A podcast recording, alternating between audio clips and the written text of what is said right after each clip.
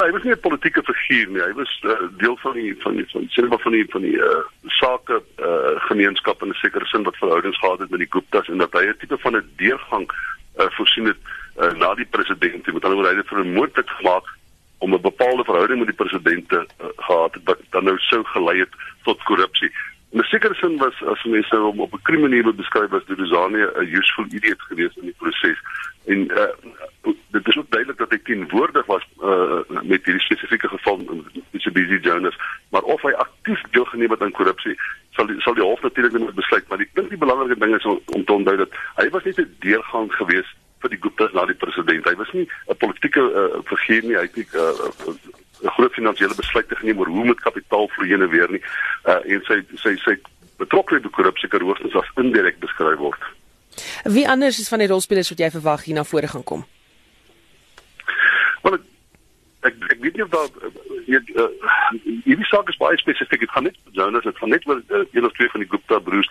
Ek kan nie dink dat daar enige ander mense spesifiek betrokke by hierdie saak is nie. Jy moet onthou dis 'n sekere sin uh, en ek, ek dink uh, uh, Llewellyn sal sal waarskynlik beter weet.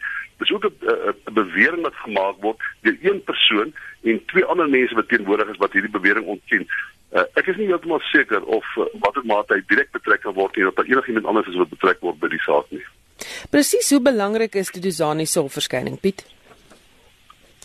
Wel, dis polities is baie belangrik. Jy moet onthou hy sal uh, vir nog 'n saak verskyn later, jy weet, maar die ander ding is dat sy pa in die volgende paar weke of paar maande waarskynlik verskeie kere gaan verskyn en as dit gaan oor die staatskaping projek, dan sal dit op 'n of ander manier vleis in die bene sit. Dit sou 'n indikasie gee van wat die werklike omvang en reikwyte is van die saak van die NPA teen uh, wat, wat staatskaping betref. Op die stadium is ons baie onseker. Jy moet onthou daar was 'n magistraat wat gesê het dat daar twyfel is oor die waarskynlikheid dat die Gupta skuldig bevind kan word in so 'n saak oor die saak dat die staat 'n behoorlike saak het. So uh, mens voel so half nader hier nou daar mos ons is nie heeltemal seker of die saak teen Duduzane Zane waterdig is en watter mate dit die groter staatskaping projek op 'n of ander manier so die praktiese manifestasie daarvan duidelik sal maak nie. Luanen, wat kan vir Duduzane volg? Wel, as ons vandag net na vandag se verskyning uh, kyk, vandag gaan daar nie veel gebeur as jy my vra nie. Uh, ek vermoed uh, die verdediging met ander woorde Rudy Krause wat vir hom opgee of sy of sy kollegas sal vandag vra vir 'n uitstel waarskynlik om insaag te kry in die polisie dossier. Dit beteken hulle wil afskrifte hê van al die alles en uh, al die getuienis wat die staat op hierdie stadium teen hulle het in die dossier, uh, ten einde te kan voorberei grondwetlik vir die verdediging se saak wat dan later kan volg. So ek ek dink nie daar moet 'n groot gewag gemaak word oor vandag se verrigtinge nie. Ons noem dit altyd die eerste verskyning. En tydens die eerste verskyning is dit basies maar net die geval van die landros in hierdie geval in die kommersiële hof wat vir die beskuldigde en sy regspan hulle regte uitspel. So daar kan nie daar nie veel vandag gebeur nie. Dan uh, verdagte nommer 1, Ajay Gupta is natuurlik nog soek en uh, nou staan Duduzani man alleen in die regstryd. Louwelen, wat se implikasies vir hom? Wel, die die die staat het 'n prerogatief. Hulle hoef nie te wag vir 'n uh, eh, AJ Gupta om ook in die beskuldigde bank te wees om 'n vervolging in te stel nie.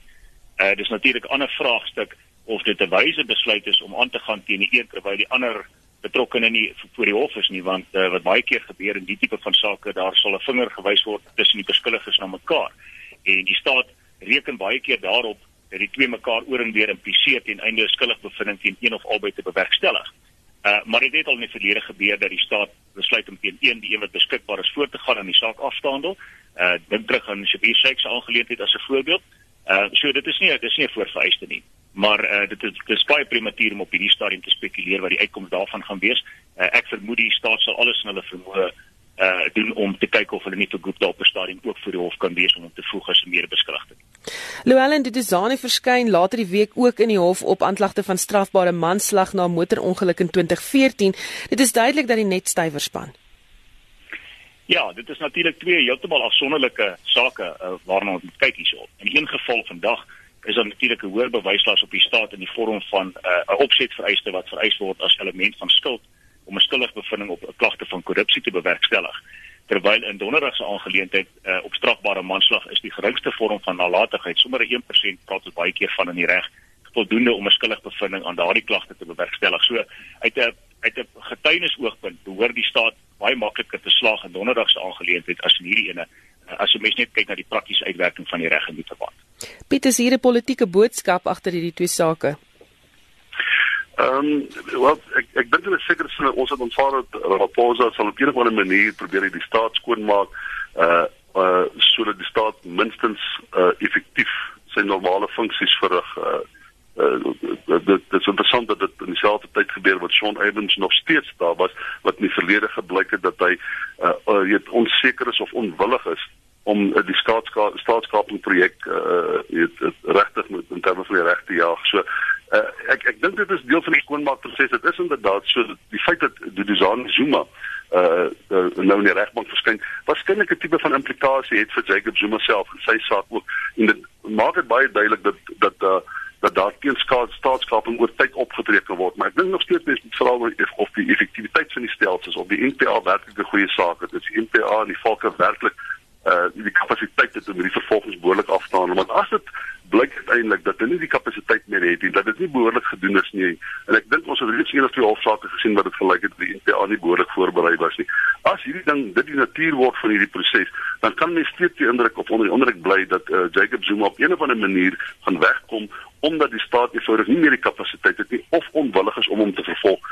So terwyl mense dink dat eh, dat Ramaphosa waarskynlik probeer om die staat skoon te maak om 'n nuwe blaadjie om te slaan om die, om, om die instellings van die staat te hervestig op 'n manier wat dit moontlik maak om behoorlik en effektief te regeer, uh, kan die hierdie naderdraai van staatskaping, die verswakking van die staatsinstansies oor die afgelope dekade of so, kan nog steeds voordra vir die volgende 5 tot selfs 10 jaar en dit uh, en iets van die staatskaping vervolgens of ons wys in watter mate die staat herstel om sy normale funksies, sy grondwetlike funksies in te voer.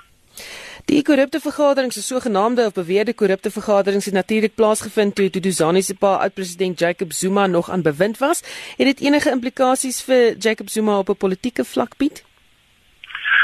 Ehm um, ek ek dink die die die die, die, gedagte dat Jacob Zuma op 'n of ander manier 'n tipe van 'n pushback uh, uh, probeer uh, maak staan met ander woorde dat hy probeer terugkom in die politieke prentjie ter wille van sy eie hofsaake en ter wille van weet uh, uh, beskerming van homself uh, in die in die volgende paar jaar wat in die howe kan verskyn. Ek dink dis 'n bietjie oordrewe. Dit lyk nie of hy 'n bepaalde magsbasis het. Selfs wanneer in KwaZulu-Natal daar uh, uitsprake ten gunste is om van Siglet Sikelala wat nou 'n prominente leier in daai provinsie is, wil dit vir my lyk asof dit meer 'n tarting is van die Ramaphosa kant. Dit meer 'n aanspreek is van van hulle uh, weerwil in in in, in van van die Ramaphosa regime wat toenemend nader kruip uh, in, in terme van staatsbeheer dit dit lyk nie vir my of daar 'n spesifieke gevestigde Zuma uh, Jacob Zuma se uh, magsbasis is wat enige hond daarop maak polities nie. So ek nee ek ek, ek dink uh, Jacob Zuma het nie die regbank voor maar ek dink polities is hy redelik ontman. Louwelen enige implikasies vir Jacob Zuma of selfs die Gupta broers wat nog op vrye voet is? Wel, uh, sy seuns se se hofsaak het absoluut niks daarmee uit te waai natuurlik. Uh, uit regsbeginsel. Die die hof sal in elk geval nie toelaat dat enige getuienis rondom uh, oud president Jacob Zuma uh, se se saak en moontlike uh, staatskaping aangeleenthede ingetrek word by hierdie aangeleentheid nie. Uh dit gaan nie so doeteenvoudig waar die betrokkenheid was aktief of uh natuurlik passief van Duduzane Zuma vir die lede van vandag se korrupsie aangeleentheid en natuurlik die vraag of hy op een of ander wyse by wyse van sy handeling doen of verlate donderdag nalatiglik uh, die die dood van 'n persoon veroorsaak het. Dit is die twee regsvrae wat in die hof gaan uitkom en ek dink uh, die hof gaan hom beperk tot daardie inligting. Baie dankie dit was Luanker Loos, 'n strafregkende verbonde aan Universiteit van Pretoria en uh, ook die politieke ontleder Dr Piet Kroukamp.